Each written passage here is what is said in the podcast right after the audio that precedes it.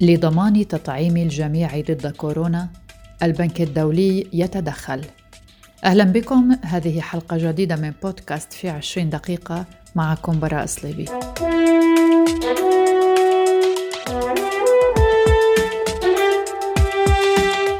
أعلن البنك الدولي أنه عزز تمويله لشراء وتوزيع لقاحات كوفيد 19 للبلاد النامية بمقدار 8 مليارات دولار ليصبح 20 مليارا. بالإضافة إلى ذلك تمكن قسم التمويل الخاص في البنك من ضمان حزمة بقيمة 600 مليون يورو أي ما يعادل 710 ملايين دولار لشركة تصنيع لقاحات في جنوب أفريقيا لزيادة الإنتاج. وذلك وفق ما أعلن المقرض الدولي في واشنطن. وقال ديفيد مالباس رئيس مجموعة البنك الدولي إن الإجراءات التي تم الإعلان عنها بشأن إنتاج اللقاح ونشره وتمويله ستنقذ الأرواح وتعزز الانتعاش الاقتصادي وتساعد على ضمان حصول الناس في البلدان النامية على فرصة للازدهار. وأشار البنك في بيان إلى توافر 20 مليار دولار حتى عام 2022 لتمويل توزيع اللقاحات وإنشاء سلاسل التبريد وتدريب العاملين في المجال الصحي. وحتى الأسبوع الماضي وزع البنك الدولي 4.4 مليار دولار على 51 دولة نامية يقع نصفها في إفريقيا ويأتي أكثر من نصف هذا التمويل من المؤسسة الدولية للتنمية. ذراع البنك الدولي المعنية بتمويل أشد بلدان العالم فقرا وذلك في صورة منح أو بشروط ميسرة للغاية. يأتي هذا التمويل ضمن ارتباط البنك بمساعدة البلدان منخفضة ومتوسطة متوسطة الدخل في شراء وتوزيع اللقاحات وتدعيم أنظمة الرعاية الصحية. دكتور محمد الهادي الميلودي باحث في علم فسيولوجيا الأمراض بمركز بحوث التقنيات الحيوية وباحث بالمركز الوطني لمكافحة الأمراض سيحدثنا عن الدول الأفريقية وعن حصصهم من اللقاحات في ظل المتحورات والطفرات التي نشهد أثرها على العالم حتى اللحظة. تحصلت الدولة الأفريقية حتى هذه اليوم على 32 مليون جرعة فقط من عدد جرعات المعطى في العالم اليوم يمثل 2.1 مليار جرعة. أي 9.4 مليون أفريقي فقط تم تطعيمهم من بلقاح الكورونا فيروس خلال آه، الستة أشهر الماضية. المشكلة أنها نقص في الإمدادات العالمية ومع وجود الطفرات آه، اخرهم الطفره الهندية أو ما يسمى بطفرة الدلتا آه، جعل الدول العظمى والدول المصنعة تستأثر هذه هذه اللقاحات لمواطنيها. وهذا سبب نقص حاد لباقي الدول آه، باقي الدول. آه، في العالم سواء الدول الآسيوية أو الأفريقية. والأفريقية بالذات بسبب الشقان الشق الأول الفقر المدقع الموجود في الدول الأفريقية يصعب عليها سداد قيمة هذه اللقاحات. والشيء الثاني عدم التنظيم عدم وجود البنية التحتية ل آه، لإنجاح عملية آه، برنامج تطعيم في هذه الدول. آه، الشيء الآخر أكثر دولتين أفريقيتين استفادوا من برنامج اللقاحات في الدول في في إفريقيا هي المملكة المغربية ودولة جنوب إفريقيا. باقي الدول تتراوح بين المتوسط والرديء جدا برنامج اللقاحات عندها. كمثال تونس حتى هذا التاريخ اليوم لقحت 717 ألف تونسي فقط بجرعتين الأولى والثانية. ليبيا كمثال آخر لقحت حتى اليوم 384 ألف ليبي بجرعة واحدة فقط. بسبب عدم إعطاء المركز الوطني لمكافحة الأمراض المسؤول على برنامج اللقاحات في ليبيا الإذن ببدء برنامج الجرعة الثانية. وذلك حتى يتسع لباقي المواطنين أو أكبر عدد من المواطنين بالاستفادة من برنامج اللقاحات. ماذا عن كفاءة اللقاحات؟ سيخبرنا أيضا الدكتور محمد الهادي الميلودي كفاءة اللقاحات تختلف من لقاح لآخر وتختلف مقارنة بالطفرة قبلها كالطفرات الأولى الطفرة الإنجليزية أو الطفرة البرازيلية أو جنوب أفريقية أو هذه الطفرات أثبتت أغلب اللقاحات كفاءة لا بأس بها من عدم الإصابة في من حمايتك من, من الإصابة أو دخولك في حالة اختطار أو العناية الفائقة في حالة الإصابة. المشكلة حاليا اللي هي الطفرة الهندية أو ضفره ما يسمى بالطفره الدلتا هذه آه، للأسف الشديد قللت بشكل ملحوظ كفاءة اللقاحات. آه، كمثال بالنسبة للفايزر البوتينيك الأمريكي الألماني آه، أثبتت كفاءة فقط 11% حماية من الإصابة و 36% فقط من آه، عدم دخولك آه، لحالة اختطار أو العناية الفائقة أو دخولك لأعراض خطيرة بعد الإصابة.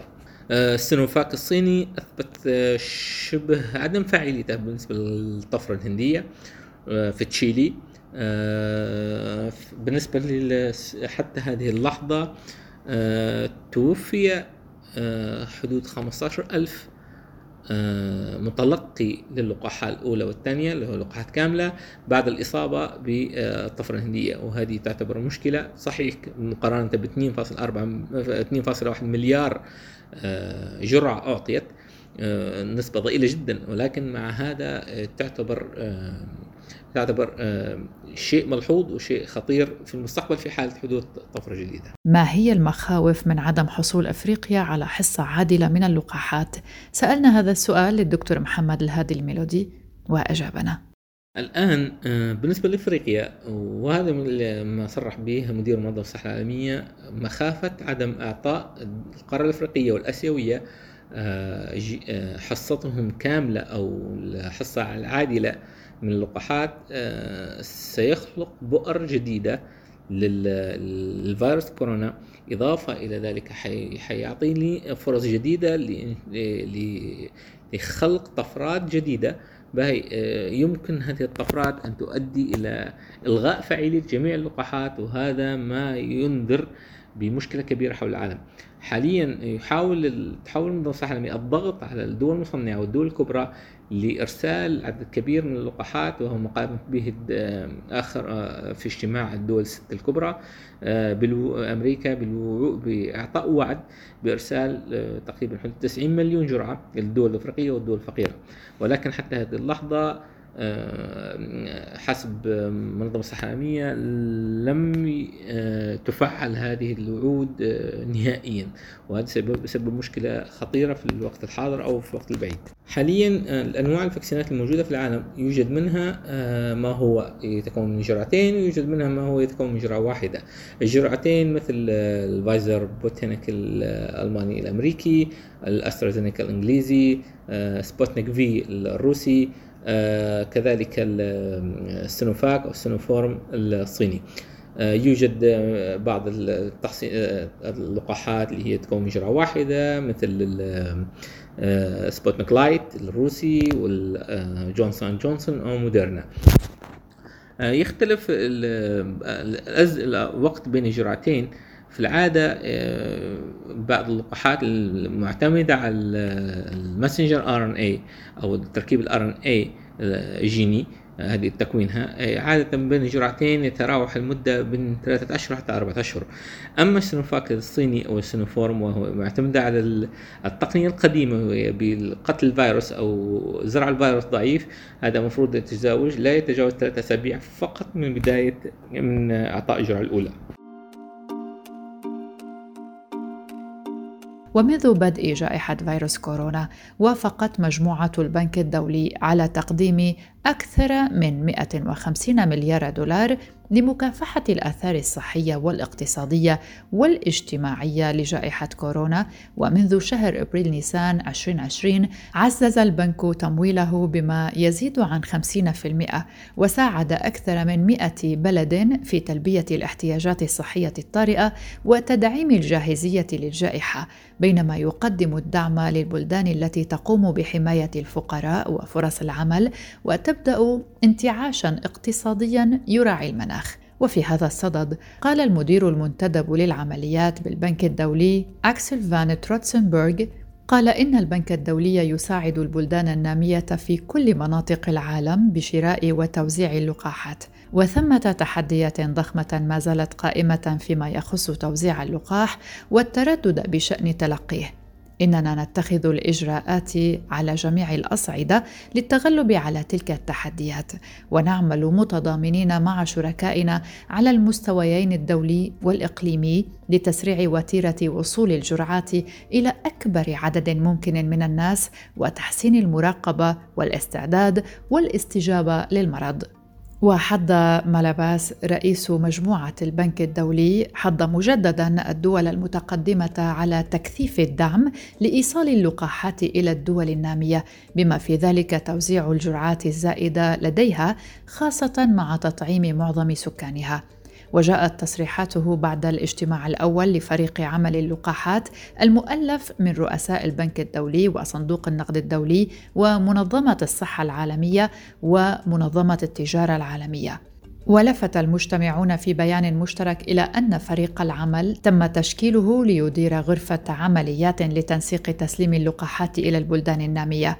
وقال البيان نشعر بقلق عميق حيال محدودية كميات اللقاحات والعلاجات المتاحة للدول النامية. وقال أيضا إن هناك حاجة لاتخاذ إجراءات عاجلة الآن لوقف الخسائر البشرية المتزايدة. ومنذ ظهور فيروس كورونا وتفشيه وافق البنك الدولي على أكثر من 150 مليار دولار للمساعدة في معالجة الآثار الصحية والاجتماعية للجائحة. قالت كريستالينا جورجيفا المديرة التنفيذية لصندوق النقد الدولي إن الإصابات بفيروس كورونا في أفريقيا من المرجح أن تتجاوز مستوياتها المرتفعة السابقة في غضون أيام، وهو ما يبرز حاجة ماسة لتسريع إمدادات اللقاح والتمويل للمنطقة. وأضافت جورجيفا في تدوينه أن الدول الإفريقية الواقعة جنوب الصحراء لديها بالفعل أدنى معدلات للتطعيم في العالم عند أقل من 1% من السكان وتواجه مجددا مخاطر لانهيار أنظمتها للرعاية الصحية ما لم يتم اتخاذ إجراءات فورية. وقالت إنه بدون مساعدة فإن القارة تتعرض لمخاطر كبيرة ولمزيد من التخلف عن الركب مضيفة أنه كلما طال أمد انتشار الجائحة في أفريقيا كلما ظهرت سلالات خطيرة من فيروس كورونا المستجد بما يهدد بقية العالم. ويحث مسؤولو صندوق النقد الدول الغنية على أن تتشارك على نحو أسرع في مخزوناتها من اللقاحات مع أفريقيا من خلال مبادرة كوفاكس قائلين إنه ينبغي وضع هدف لتسليم ربع مليار جرعة إلى القارة بحلول سبتمبر أيلول المقبل. وقالت جورجيفا إنه ينبغي لمصنعي اللقاحات أن ينقلوا الإمدادات إلى أفريقيا. ودعت إلى إزالة قيود التصدير عبر الحدود على المواد الخام واللقاحات التامة الصنع للمساعدة في ضمان أن تتمكن جنوب إفريقيا والهند من الوصول إلى طاقة إنتاجية كاملة. هذا ما يدعو إلى تقديم الدعم لشركات طبية في إفريقيا. فقد تعاونت مؤسسة التمويل الدولية IFC التابعة للبنك الدولي تعاونت مع وكالات تنمية فرنسية وألمانية وأمريكية لضمان حزمة تمويل لشركة أسبن الرائدة للأدوية في جنوب أفريقيا. وقالت مؤسسة التمويل الدولية في بيان لها إن الموارد ستسمح للشركة الجنوب أفريقية بإعادة تمويل الديون وتعزيز إنتاج اللقاحات وتعاقدت أسبن مع جونسون أند جونسون لإنتاج لقاح مضاد لكوفيد من جرعة واحدة. وقال ستيفن سعد الرئيس التنفيذي لمجموعة أسبن إن شركته تسعى للمساهمة في تحقيق الهدف المتمثل في تلبية معظم احتياجات أفريقيا من مواقع إنتاج في أفريقيا. ويكرر البنك الدولي دعوته للحكومات وشركات الأدوية والمنظمات المشاركة في شراء اللقاحات وتسليمها إلى المساعدة في زيادة الشفافية وتوفير المزيد من المعلومات للجمهور بشأن عقود اللقاحات وخياراتها واتفاقاتها واتفاقات تمويل اللقاحات وتسليمها والجرعات التي تم تسليمها وخطط التسليم في المستقبل. ويدعو البنك الدولي البلدان التي تتوقع أن يكون لديها فائض في إمدادات اللقاحات في الأشهر القادمة إلى التنازل عما لديها من جرعات فائضة في أقرب وقت ممكن وذلك على نحو يتسم بالشفافية وذلك لصالح البلدان النامية التي لديها خطط توزيع ملائمة. حزمة التمويل الخاصة بالبنك الدولي مصممة لتتسم بالمرونة ويمكن استخدامها من جانب البلدان المعنية لشراء الجرعات عبر كوفاكس وفريق العمل المعني باقتناء اللقاحات في إفريقيا أي عبر آفات ومصادر أخرى. كما تمول توزيع اللقاحات وأيضا تدعم أنظمة الرعاية الصحية مثل سلاسل تبريد اللقاحات وتدريب العاملين في القطاع الصحي وأنظمة البيانات والمعلومات وحملات الاتصالات والتوعية لأصحاب المصلحة الرئيسيين التي تعد شديدة الأهمية لضمان قبول اللقاح. في غضون ذلك قام البنك الدولي بموائمة معاييره للأهلية للقاحات كورونا مع معايير الأهلية المعدلة الخاصة بكوفاكس وبقية الشركاء متعددي الأطراف. والبنك الدولي في شراكة مع الاتحاد الأفريقي والمركز الأفريقي لمكافحة الأمراض المدعوم من البنك الدولي لدعم مبادرة أفات بالموارد للسماح للبلدان بشراء وتوزيع اللقاحات لصالح حوالي 400 مليون شخص في جميع أنحاء أفريقيا. كما يشكل البنك فريق عمل مع صندوق النقد الدولي ومنظمة الصحة العالمية ومنظمة التجارة العالمية وشركاء آخرين للتتبع والتنسيق وتعزيز توصيل لقاحات كورونا إلى البلدان النامية. ويواصل البنك العمل مع الحكومات والشركاء أي اليونيسف والصندوق العالمي ومنظمة الصحة العالمية وجافي لتقييم مدى جاهزية ما يزيد عن 140 بلدا نامية لتوزيع اللقاحات. وقد حققت البلدان المعنية تقدما جيدا منذ نشر أول تقرير عن هذه الجهود وتكشف أحد النتائج أن 95% من البلدان قامت بوضع خطط وطنية للتلقيح و79% تطبق تدابير السلامة و82% تمنح الأولوية لفئات من السكان لتلقي اللقاح. لكن 59% فقط من البلدان أعدت خططا لتدريب العدد الكبير المطلوب من القائمين على التلقيح وأقل من النصف لديها خطط جاهزة لخلق حالة من الثقة لدى الجمهور وبالتالي إيجاد طلب على لقاحات الوقاية من فيروس كورونا. أزمة أخرى تواجه أفريقيا في ظل كورونا وهي عودة نشاط الجماعات المسلحة. روز ناما يانجا محامية ومؤلفة ووزيرة إعلام أوغندية سابقة ونائبة أمين عام الحزب الحاكم في البلاد. كتبت مقالا نشرته في مجلة فورين بوليسي الأمريكية حذرت فيه من تأخير تطعيم سكان القارة السوداء باللقاحات المضادة لفيروس كورونا إذ يؤدي هذا التأخير إلى زيادة التطرف لأن الظروف الاقتصادية التي تفرضها الجائحة توجد ارضا خصبة للتجنيد في الجماعات المتطرفة التي عادت إلى تكثيف أنشطتها في أجزاء من القارة السمراء. وتشير الكاتبة إلى أن في شهر يونيو حزيران اجتمع القادة من جميع أنحاء إفريقيا في باريس لمناقشة التحدي الأكثر الحاحا والذي يواجه القارة السمراء اليوم. وهو التعافي الاقتصادي في أعقاب الأزمة الصحية العالمية الأكثر تدميرا في الذاكرة الحية. وأثناء تلك القمة ظهر موضوع مشترك وأثبت أن هناك خطا مباشرا يربط بين نقص اللقاح وعمليات الإغلاق والكساد الاقتصادي وعودة ظهور ما أسمته الكاتبة بالإرهاب الإسلامي. وتوضح الكاتبة أنه حتى الآن لم تحصل إفريقيا سوى على أقل من 2% من جرعات لقاح كوفيد-19 المعطاة عالميا على الرغم من أن القارة تضم حوالي 1.3 مليار شخص أو حوالي 16% من سكان العالم. وفي أوغندا تلقى اللقاح 1% فقط من السكان. وتفتقر القارة إلى مراكز تصنيع اللقاحات الخاصة بها ولذلك تعتمد على الإمدادات القادمة من بقية العالم. ومع ذلك فإن المبادرات الدولية مثل الوصول العالمي للقاحات كوفيد-19 كوفاكس التي جرى إنشاؤها لضمان توفير اللقاح العادل للبلدان منخفضة الدخل قد واجهت مشكلات في بدايتها. إذ تعتمد كوفاكس على الشراء من البلدان ذات الدخل المرتفع لدعم اللقاحات لنظرائها الأفقر. مما يضمن عدم اقتصار إتاحة اللقاحات على البلدان الأكثر ثراء لكن معظم الحكومات الغنية أبرمت عقودا ثنائية منفصلة مع شركات الأدوية. بدلا من ذلك مما أدى إلى ندرة التمويل لكوفاكس ووجود فائض من اللقاحات في تلك البلدان الغنية.